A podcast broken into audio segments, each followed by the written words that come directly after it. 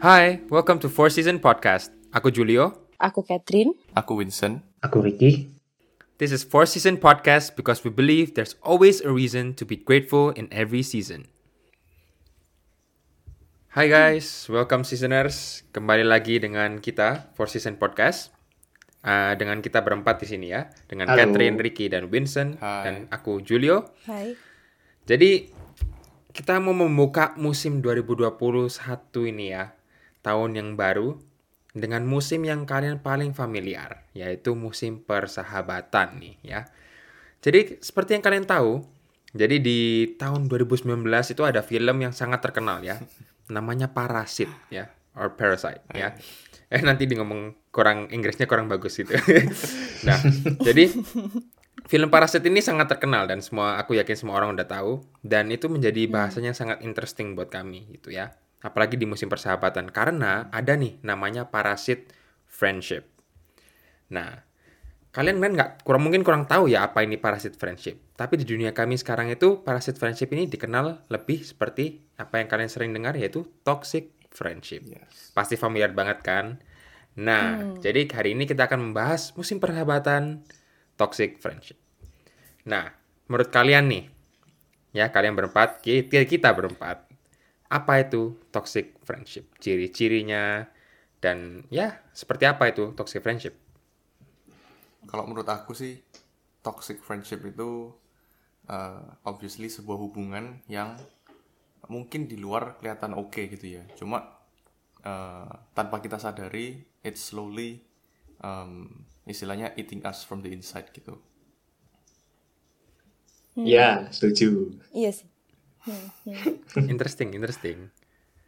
Dan lucunya guys ya, itu aslinya kalau kalian nyari di Google, itu itu artinya parasit itu seperti itu.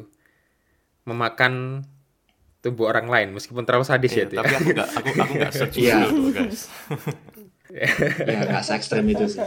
Nah, Tapi ya seperti itulah toxic friendship. kalau menurutku sih em, toxic friendship itu ya seperti yang kita jalani hari apa sehari-hari ya. Toxic friendship itu mungkin lebih ringannya seperti orang-orang yang membuat kita hidup kita lebih susah lah. Soalnya Hmm. pertemanan itu tidak baik buat kehidupan kita. Sesuatu yang toksik seperti makanan yang toksik itu memang tidak baik buat tubuh kita gitu. Gampangnya seperti itu sih menurutku. Tapi biasanya yang toxic itu biasanya rasanya enak cuy. Kayak misalkan Coca-Cola. Eh, sebut merek apa ya? Wait, Ya, kan, misalnya minuman apa-apa, bersoda. apa-apa. apa-apa. Maaf, masih amatir. Sensor, sensor. Kayak misalnya minuman bersoda. Ya itu kan nggak Hmm. enak. Tapi itu kayak merusak tulang dan merusak tubuh kita. Gitu sih. Sama kayak toxic Iya. friendship. Junk Kayak food ya. enak, tapi itu sebenarnya merusak eh ya mental kita gitu. Mindset juga. Ya gitu sih. Oke lanjut. Nah, aku mungkin ada analogi sih Rick ya. Oke. Aku ada analogi di mana mungkin comfort food ya. Itu kan namanya comfort food ya dari Coca-Cola, McDonald gitu kan ya. Itu comfort food gitu ya. Apakah berarti comfort food itu toxic gitu ya? Wah, Wow. Wah, keren juga ya. Ini kayaknya perenungan masing-masing seasoners deh ya. kok jadi bahas makanan ini ya? Ya, itu Pada kan lapar ya, semua ini. Selalu. Belum makan pagi sama ya. belum makan malam. Ya, di sekarang di Swiss sih lagi makan jam makan siang. Jadi ya wajar lah ya. Bahwa ini saya sedang lapar gitu. Oke oke. Nah, mungkin dari kita semua ini ya, pasti kan toxic friendship ini pasti udah kita per sering denger gini ya. Nah, mungkin dari kita berempat ini, apakah ada yang punya cerita mungkin ya? Siapa tuh? Actually aku punya sih. Cuma ya sebelumnya gimana ya? Minta maaf dulu ya buat mungkin temen-temenku yang Disclaimer, dengerin ini. disclaimer. aduh, aduh. Ya, aku bersyukur lah. Maksudnya, ya ini sebelumnya, sebelum aku bercerita ya. Kayak minta maaf dulu. Karena ya bersyukurnya adalah kalian bisa jadi part untuk aku bisa bertumbuh sih. Oh. Jadi lebih dewasa juga gitu sih. Oke, jadi ceritanya gini. eh berawal dari aku adalah seorang anak ketiga yang seperti udah diperkenalkan waktu itu ya di podcast sebelumnya. eh aku ini terlahir dari orang tua yang cukup protektif. Nah, maka dari itu makanya aku cari kebebasan tuh di luar. Aku bisa dapat kebebasan di lingkungan luar, kayak gitu. Nah, terus eh ya yang bisa aku dapatkan di lingkungan luar adalah satu salah satunya itu adalah dengan waktu aku di sekolah. Waktu aku di sekolah, aku bisa dengan bebas aku mau bergaul dengan siapa, dengan bebas aku mau bersikap seperti apa gitu kan. Jadi eh ini semacam apa ya? Semacam juga kesadaran buat aku. Eh karena mungkin dulu waktu aku masih masih remaja, masih labil ya, kok bisa dibilang masih labil. Merasa kayak rasanya orang tua aku ini eh, jahat banget ya, kayak ngeprotek banget ya. Tapi ini buat aku, toxic toxic friendship ini, toxic toxic relationship ini yang buat aku sadar bahwa eh, perlakuan protektifnya orang tua aku itu sangatlah melindungi aku, sangat berharga juga buat aku gitu. Jadi ceritanya gini, eh aku waktu SMA itu eh lingkunganku tuh semuanya baru. Jadi waktu TK, SD, SMP itu temanku hampir hampir hampir sama lah. Pasti selalu ketemu gitu loh. Nah, dan waktu aku SMA tuh aku bener-bener memasuki lingkungan yang baru, teman-teman semuanya baru, sama sekali nggak ada yang aku kenalin. Dan di situlah pada saat aku bener-bener merubah diriku 180 derajat. Jadi dulu tuh aku eh, orangnya tomboy. Nah, waktu aku SMA itu eh, aku cukup merubah diriku ya. Jadi lebih feminim mulai sadar ya menjadi wanita seutuhnya. nah, nah dari situ aku mulai mencari jati diri. Mungkin teman-teman yang SMA, seasoners yang lagi SMA ya bisa relate lah ya. Kayak cari teman-teman yang famous, cari cari ya intinya lingkungan yang di mana kamu merasa bisa diterima dan dibanggakan lah. Jadi gini, waktu SMA itu aku kan nggak kenal siapa siapa siapa datangnya juga telat lagi hari pertama gitu. Terus kayak duduk paling depan. Dan eh, waktu istirahat tuh kayak tolah toleh kayak aduh ngobrol sama siapa ya? Kayak aduh aduh kayak forever alone banget gitu loh rasanya terus kemudian aku di sebelahku tuh ada seorang temen cewek gitu dia cukup cukup apa ramah dan baik gitu loh ngajak aku ngobrol kayak gitu Nah, singkat cerita, eh, akhirnya aku kenal anak ini, cewek ini, dan sebut aja N ya, inisial N ya. Oke. N. Iya. Si N ini akhirnya ya jadi temen ngobrolku di kelas gitu loh. Dan pada akhirnya, ya udah aku jadi temennya dia. Nah, setelah beberapa hari berlangsung, kayak mulai ada apa kayak tugas ujian kayak gitu-gitu. Eh, kan ada tugas kelompok tuh. Kan nggak mungkin kan cuma dua orang. Kan ada biasanya kayak eh, cari empat orang lima orang gitu kan. Nah singkat cerita aku ketemu sama beberapa temenku ini cewek-cewek juga gitu. Jadi aduh sorry ya guys yang dengerin. Jadi dua cewek ini dua cewek ini akhirnya sekelompok sama aku gitu yang bu- bukan termasuk yang si N ini ya. Nah akhirnya aku singkat cerita bergaul lah sama yang cewek dua yang baru ini. Kayak gitu. Pakai inisial aja kayaknya ya. Eh, sebut aja siapa ya? Mungkin Melisa sama siapa ya? Wah, Melis. Melisa ini. bukan bukan Melisa Melisa sama Siti eh, Beatrice gitu ya oke sih? Beatrice Oke, Beatrice, Melisa dan oke, oke. Beatrice. Oke. nah, aku berteman sama Melisa dan Beatrice ini. Jadi, ya mungkin aku juga merasa cukup jahat ya. Aku akhirnya meninggalkan temanku yang aku pertama kali kenal gitu loh. Justru temanku yang aku pertama kali kenal tuh dia tuh yang rajin, pinter.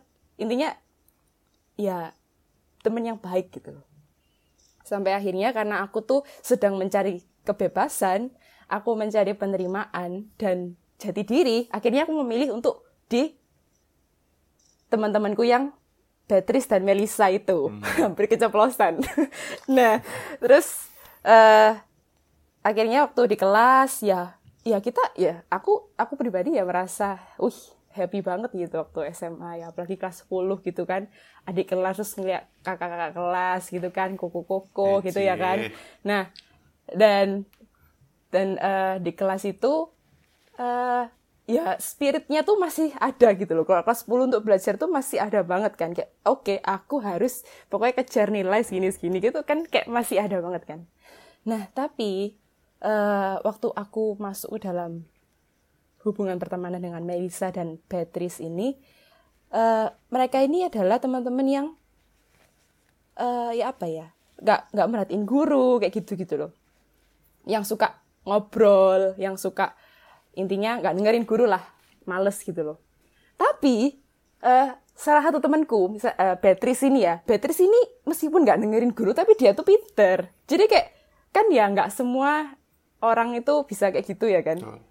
Ada beberapa yang mungkin harus dengerin guru dan kemudian dia bisa ngerjain gitu. Jadi itu bukan suatu masalah bagi Beatrice gitu loh. Nah, tapi itu mengaruhi aku yang aku harusnya mendengarkan guru untuk aku bisa mengerjakan tugas-tugasku gitu loh.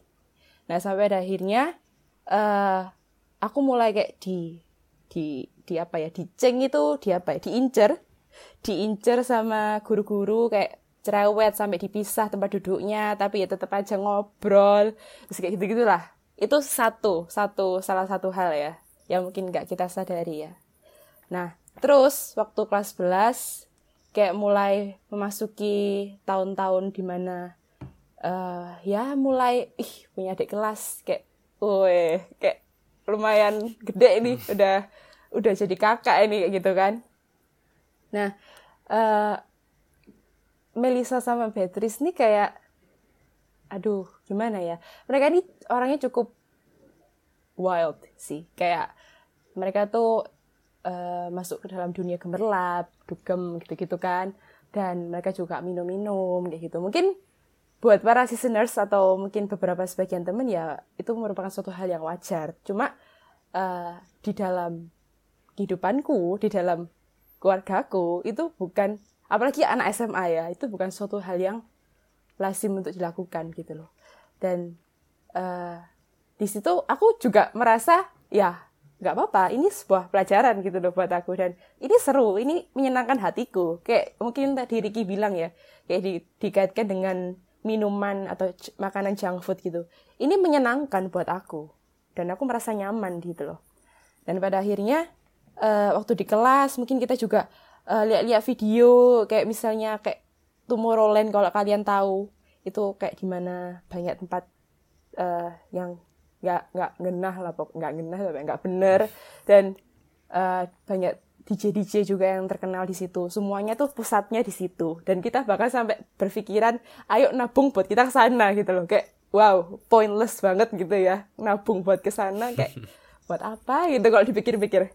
Nah akhirnya Nah, ada satu titik di mana waktu itu ada kejadian, eh bukan kejadian ya, ada momen di mana aku dikasih kesempatan untuk camp, ikut camp. Jadi di sekolahku itu ada Bible camp namanya. Jadi semua anak harus ikut kayak gitu.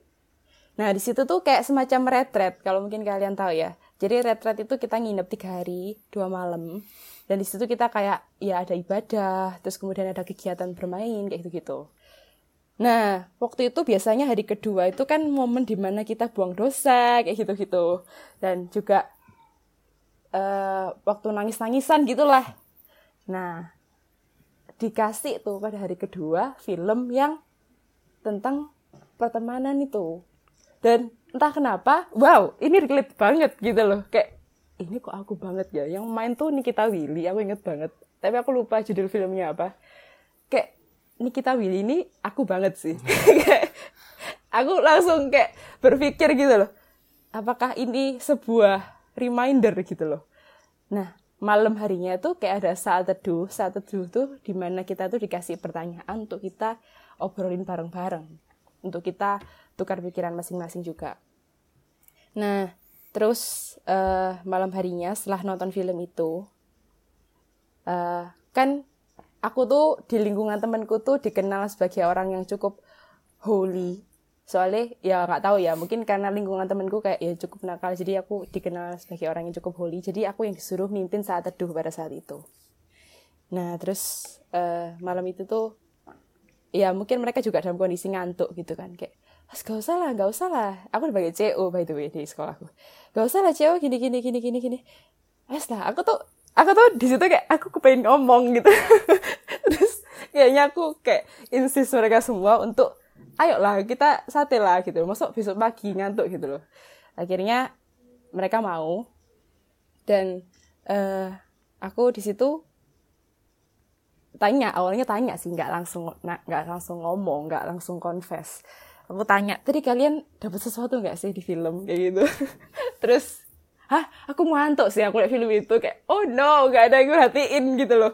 Terus akhirnya eh akhirnya akhirnya sorry guys akhirnya eh aku meluapkan deh apa yang menjadi isi hatiku pada saat itu. Tuh kayak nembak Eh, aku bilang jadi guys sih gitu. Jadi guys aku tuh sebenarnya sebenarnya eh merasa kayak aku nih rasanya seperti kayak anak itu gitu loh yang ada di film itu terus eh habis itu langsung kayak hah maksudnya maksudnya mereka tuh kayak mulai bingung gitu aku ngerasa aku bukan yang gimana gimana ya tapi eh rasanya aku tuh kayak merasa mulai berubah semenjak aku bergaul sama kalian. Jujur ya, jujur aku tuh gak nyangka banget aku bisa ngomong kayak gitu pada saat itu. Jadi aku bener-bener gak mikir aku nanti mau berteman sama siapa gitu. So aku bilang gini, e, kalian ya teman yang baik buat aku gitu loh. Cuma aku merasa semakin ke sini aku merasa semakin eh, jadi nakal. Aku jadi semakin bukan menjadi semakin lebih baik tapi kayak jadi makin nakal aku bukan nih sok suci ya guys aku bilang gitu kan aku bukan nih sok suci tapi eh di situ tuh aku juga diingetin pada satu pergaulan yang buruk merusak kebiasaan yang baik dan di situ puji Tuhannya ya mungkin seorang anak SMA pada saat itu aku juga heran kenapa aku bisa terpikirkan itu. Eh aku disadarin kalau ini sebuah kebiasaan yang nanti takutnya bisa jadi habit buat aku di masa depan gitu loh. Makanya bukan berarti aku stop temenan sama kalian tapi aku akan mungkin setelah ini aku mungkin akan lebih jaga jarak. Tapi bukan berarti aku nggak berteman sama kalian aku bilang kayak gitu. Tapi mereka tuh nanggepinnya kayak halah apa sih? Apa sih? Kayak gitu kayak apa sih? Itu gak usah lah gak usah lah kayak gitu gitu nah terus habis itu eh ya aku bersyukur mereka tuh bukan jadi yang melo kepikiran. Eh nggak tahu sih nggak tahu sih. Cuma mereka nanggepin dengan kayak santai lah santai kayak gitu loh. Nah singkat cerita besoknya setelah udah selesai camp dan masuk kelas seperti biasa keadaan itu menjadi sangat canggung sangat awkward gitu ya di mana aku masih duduk sebelahan sama temenku yang nakal itu. Dan aku diajak ke kantin terus kayak aku kayak nggak wis aku di kelas saya nggak deh aku di kelas aja gitu. Ya cukup awkward dan kemudian di kelas itu tuh juga ada salah satu anak perempuan. Eh dia itu juga apa ya lagi struggle tentang pertemanannya dia gitu loh. Dan akhirnya dia tuh cerita ke aku di saat itu juga gitu loh terus akhirnya singkat cerita teman-teman si- singkat cerita listeners aku tuh langsung dipertemukan sama Tuhan tuh eh dengan teman yang bener-bener apa ya kayak sefrekuensi ya kalau kata anak indie. Oke. sefrekuensi banget gitu loh. Yang benar-benar sama-sama suka baca yang suka suatu hal yang intinya kayak sefrekuensi banget lah. Kayak benar-benar dikasih langsung yang terbaik gitu loh sama Tuhan dan ya ada momen di mana memang rasanya kayak nggak nyaman sih pada saat itu ketika aku harus bertemu dengan teman-temanku yang yang lama kayak gitu.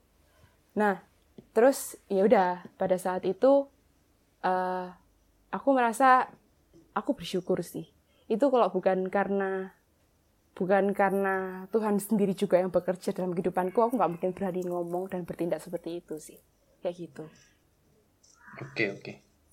Nah, jadi menurutku eh, toxic relationship itu atau parasite tadi itu ya tadi ya itu sebuah hubungan yang nggak membangun satu sama lain.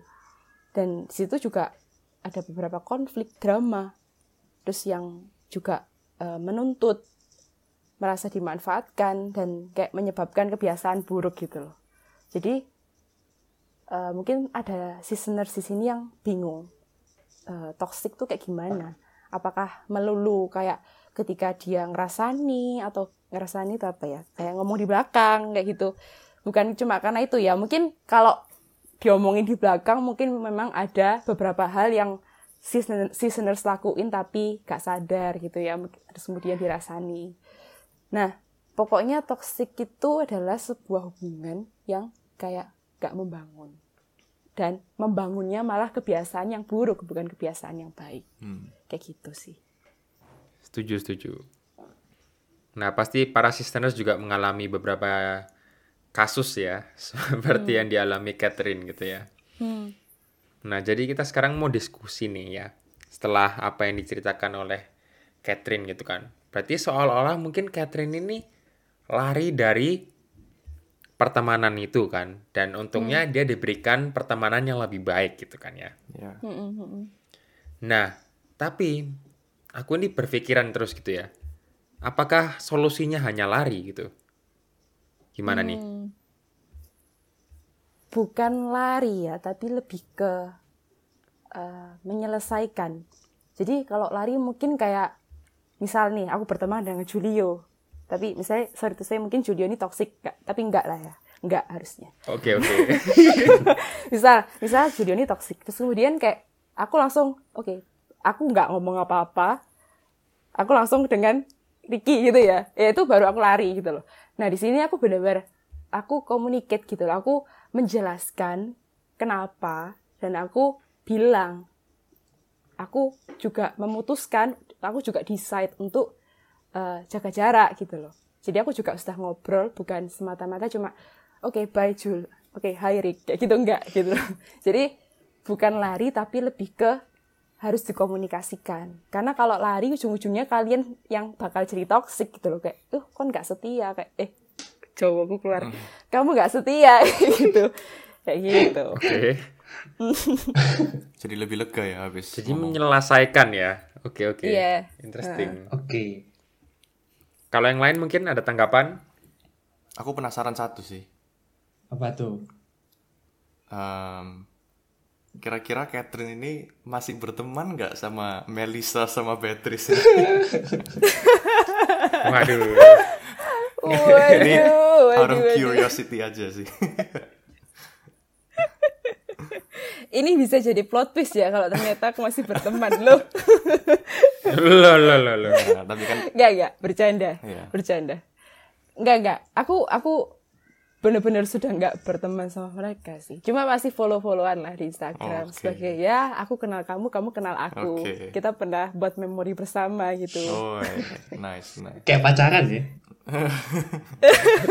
Lepas dari mantan gitu ya. Waduh. Aduh. Iya. Waduh, Aduh, waduh, sorry. waduh, bisa relate aku. Next topic, next topic, next topic.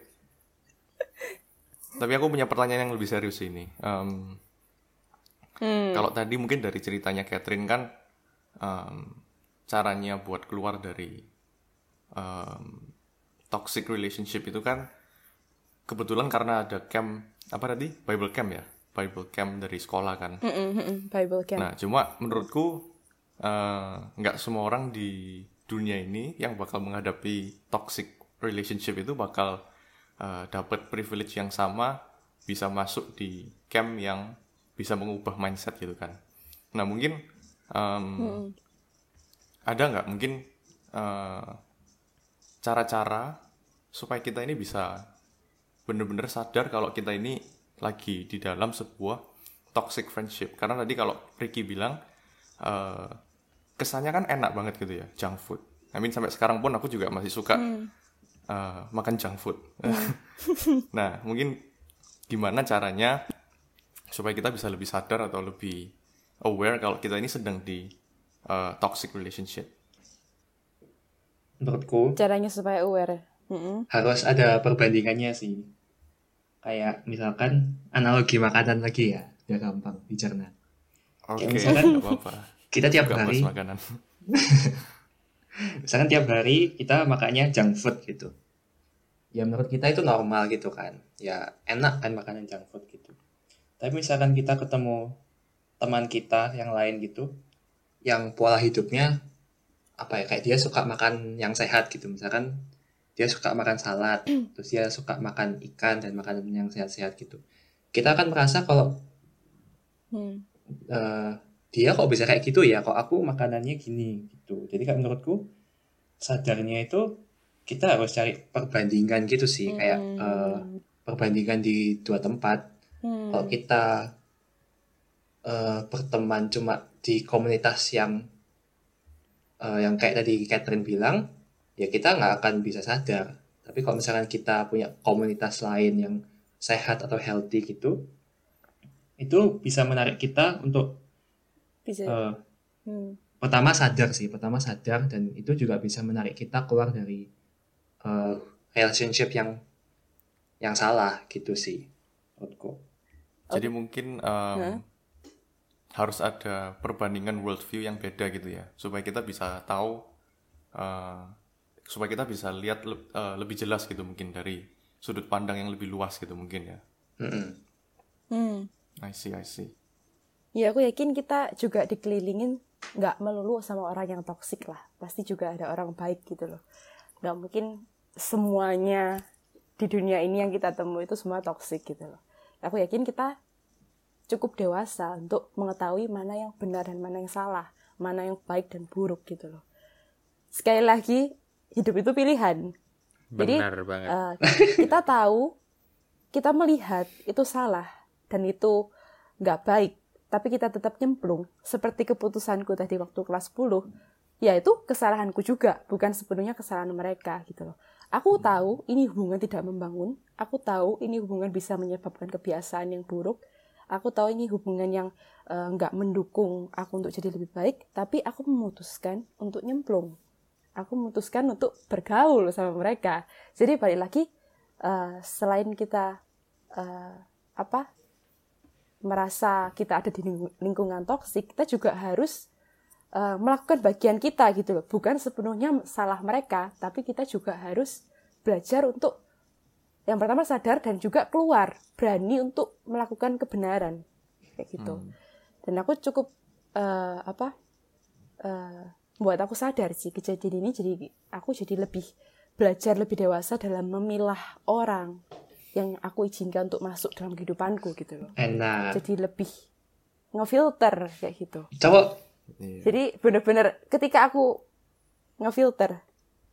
Jadi kalau misalnya aku ketemu atau mungkin listeners di sini ketemu sama orang dan kalian merasa ini adalah teman yang positif dan mendukung dan membangun, ya di keep itu. Jangan eh, di apa namanya eh, dilelerin di di Gimana? di apa digampang dibiarin. Dibiarin, dibiarin, dilepaskan, Iya. jangan dilepaskan ya. Pertemanan itu susah dicari Iya. ya. Take for granted. Seperti Uh, emas, Yes. betul, betul, Bahasa betul, apa betul banget. gitu sih. diinvestasikan gitu. Oke. Yes, Kayaknya itu diinvestasikan. Topik menarik gitu. Hmm. Hmm. Next time, next time. Nah, tapi sih menurutku ya, mungkin ada satu sisi yang kita nggak ngelihat gitu ya. Menurutku bukan mereka sadar atau tidak sadar ya. Hmm. Menurutku sih banyak orang di dunia ini tuh sadar mereka tuh ngapain, tapi mereka itu in denial gitu ya. Kata yang paling terkenal di dunia sekarang ya. Oke. Denial ya. Yeah, Menurutku yeah, sih mereka yeah. denial gitu ya. Hmm. Tentang kayak mereka itu tahu kalau mereka itu ada pertemanan yang sangat toksik gitu. Hmm. Tapi gara-gara mereka deny dan mereka kembali lagi ke comfort food ya. Comfort food. Mereka saking Hmm. mereka enjoy aja di dalam toxic ini, mereka suka Su- Hmm. apa ya bukan bukan suka tapi familiar, saking familiar dengan Oh. apa ya mungkin ini ke- kejelekan atau apa ya this bad thing in your life itu kalian itu familiar gitu. Jadi mereka tuh tidak mau keluar dari itu gitu. Zona nyaman. mungkin takut untuk Benar, benar takut banget. untuk masuk di lingkungan yang baru mungkin ya. Ya. Benar benar benar. Atau Iya. mungkin juga takut jujur ya. Wow. Maksudnya? Nah, menurutku sih kayak kadang kan aku juga menanyakan ya kayak apakah solusinya hanya lari. Tapi menurutku kadang gara-gara mungkin dari Catherine juga sendiri dia juga jujur ya. Dan mungkin kadang ada beberapa orang setelah mengetahui kejujuran itu mereka bisa berubah. Mungkin dalam situasi Catherine berbeda. Soalnya 4 lawan 1 mungkin seperti Hulk lawan Ant-Man gitu ya. Jadi ya. Ya, tapi Oke. tapi mungkin kayak di dalam hidup orang mungkin ada cuma satu satu orang gitu kan yang bisa mungkin dididik setelah kejujuran itu itu mungkin juga cara yang mungkin lebih baik ya di dalam toxic friendship itu mungkin kalian bisa menemukan berlian gitu ya kita mungkin tidak tahu ya mungkin itu juga bisa terjadi dalam hidup orang gitu Hmm. Benar sih. Hmm. Don't judge a book by its cover. Iya sih, jadi Oke oke. jadi pengalaman yang cukup berlian juga. oh jelas jelas pasti Iya. pasti belajar banyak dong pasti ya Catherine-nya pasti Banyak belajar banyak juga sih. kan Iya, iya, jadi pelajaran banget. Catherine ini friendship aja di filter apalagi cowok ya kak? Waduh. Oh. aduh, Waduh. aduh, aduh. sekarang inisialnya siapa ini Aduh. inisial dong bocorin bocorin Inisial yang apa nih? Inisial cowok. Loh, Seta. Eh. Surabaya aku keluar. Di framing di framing. Enggak, enggak, enggak. enggak. Oke oke. No, oke. no, no, no, no. Masuk lagi ke topik ke topik. Aku juga mau tanya sih. Eh, kan tadi kita bahas gimana cara kita sadar kalau kita di di mm, f- eh, toxic friendship gitu kan. Nah, terus menurut kalian, eh misalnya kita kita sadar dan kita misalkan udah keluar dari toxic friendship itu, tapi beneran kita udah keluar nggak sih? Maksudnya kayak Hmm. indikatornya tuh apa kalau orang tuh bisa dibilang udah sembuh dari eh, toxic toxic friendship ini? Kalau menurutku, Hmm. Mm-mm. em, aku mungkin nggak nggak pernah ngalamin sampai yang se sedalam Catherine ya. Cuma mungkin kalau aku bisa simpulkan, mungkin kita bisa dikatakan sembuh itu kalau kita sudah apa ya istilahnya bisa memaafkan orang-orang yang eh, ada waktu kita toxic friendship itu. Dan mungkin nggak cuma memaafkan orang-orang itu, tapi Iya. juga memaafkan keadaan yang eh, akhirnya membuat kita apa ya mem- memaafkan keadaan yang yang saat itu gitu loh kalau tadi mungkin Catherine bilang Ya. eh, ya aku dari pengalaman ini aku bisa belajar beberapa hal mungkin itu salah satu indikator kalau kalau Catherine memang sudah istilahnya sudah punya pandangan yang yang positif dan pandangan yang benar terhadap eh, situasinya dulu mungkin kayak gitu sih kalau dari aku Iya, benar sih. Oke, ada yang lain?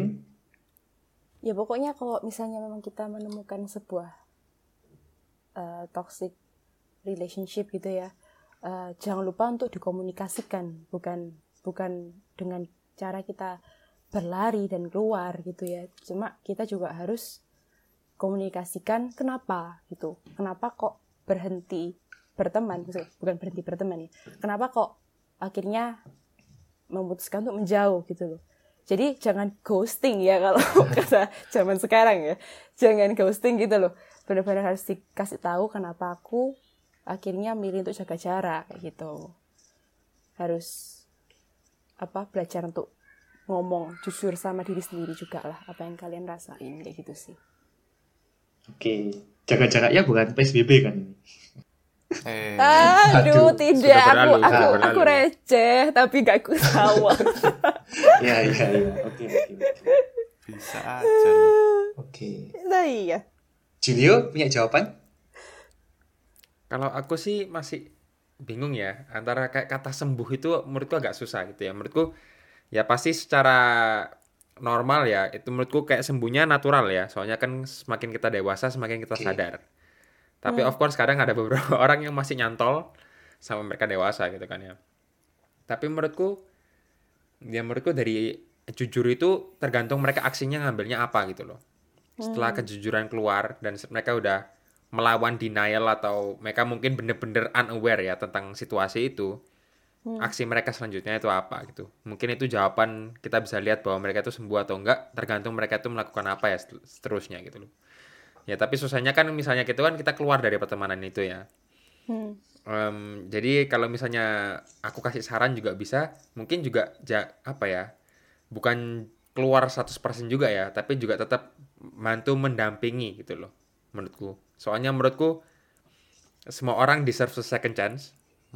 Dan makanya aku kembali lagi ya, mungkin kalian bisa menemukan berlian di antara itu. Dan mungkin aku juga punya cerita tentang teman yang bukan toxic banget, tapi kita membuat perlakuan yang lumayan toxic, tapi untuk one senario doang gitu. Dan sekarang dia my best friend gitu loh. Jadi mungkin jangan meninggalkan mereka, tapi lebih ke memaafkan mereka dan lebih mengerti kepada mereka. Soalnya menurutku orang yang toxic itu pasti ada asalnya dari mana. Entah dari keluarga, entah dari masa lalu mereka. Dan itu Dan kita sama-sama manusia saling membantu gitu loh.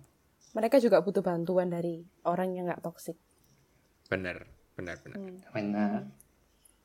Ya, oke. Kayaknya udah cukup panjang nih podcastnya. Kita tutup ini ya, eh, rangkum dikit aja ya. Kayak conclusion. Boleh.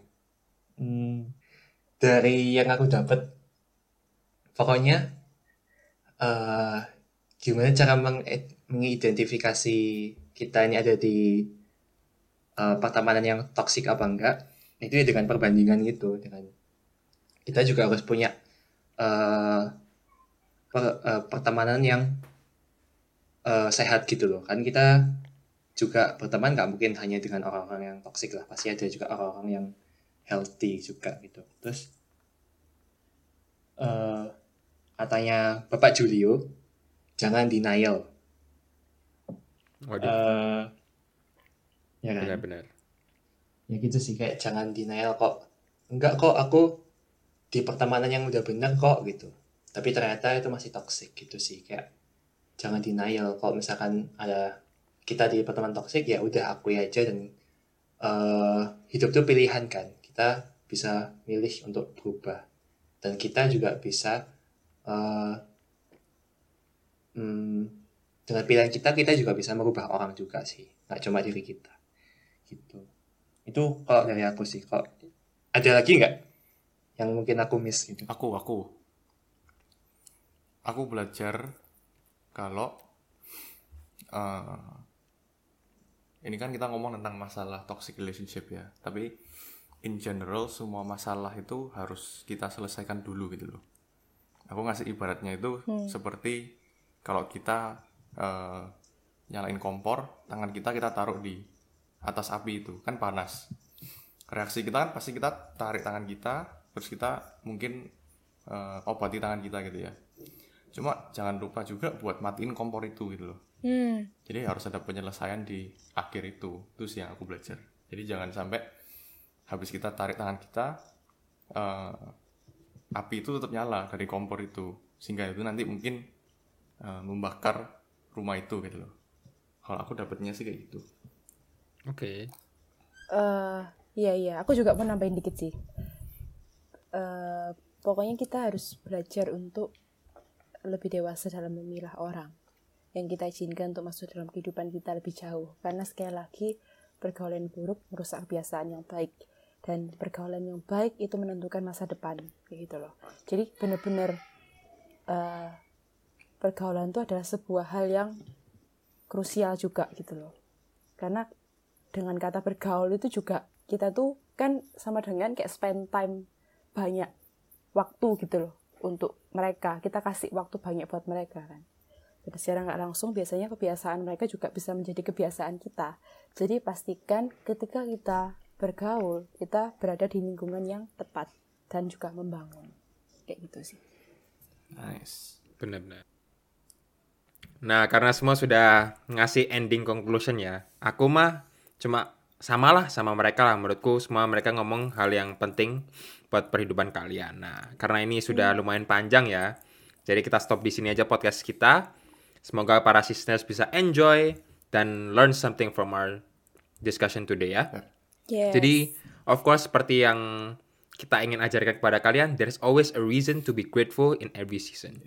Jadi, have a great day. Semoga kalian bisa enjoy waktu kalian, apalagi dengan teman-teman kalian dan bersahabat. Jadi ini dari kami. Have a beautiful day. Bye-bye. Bye-bye. Bye.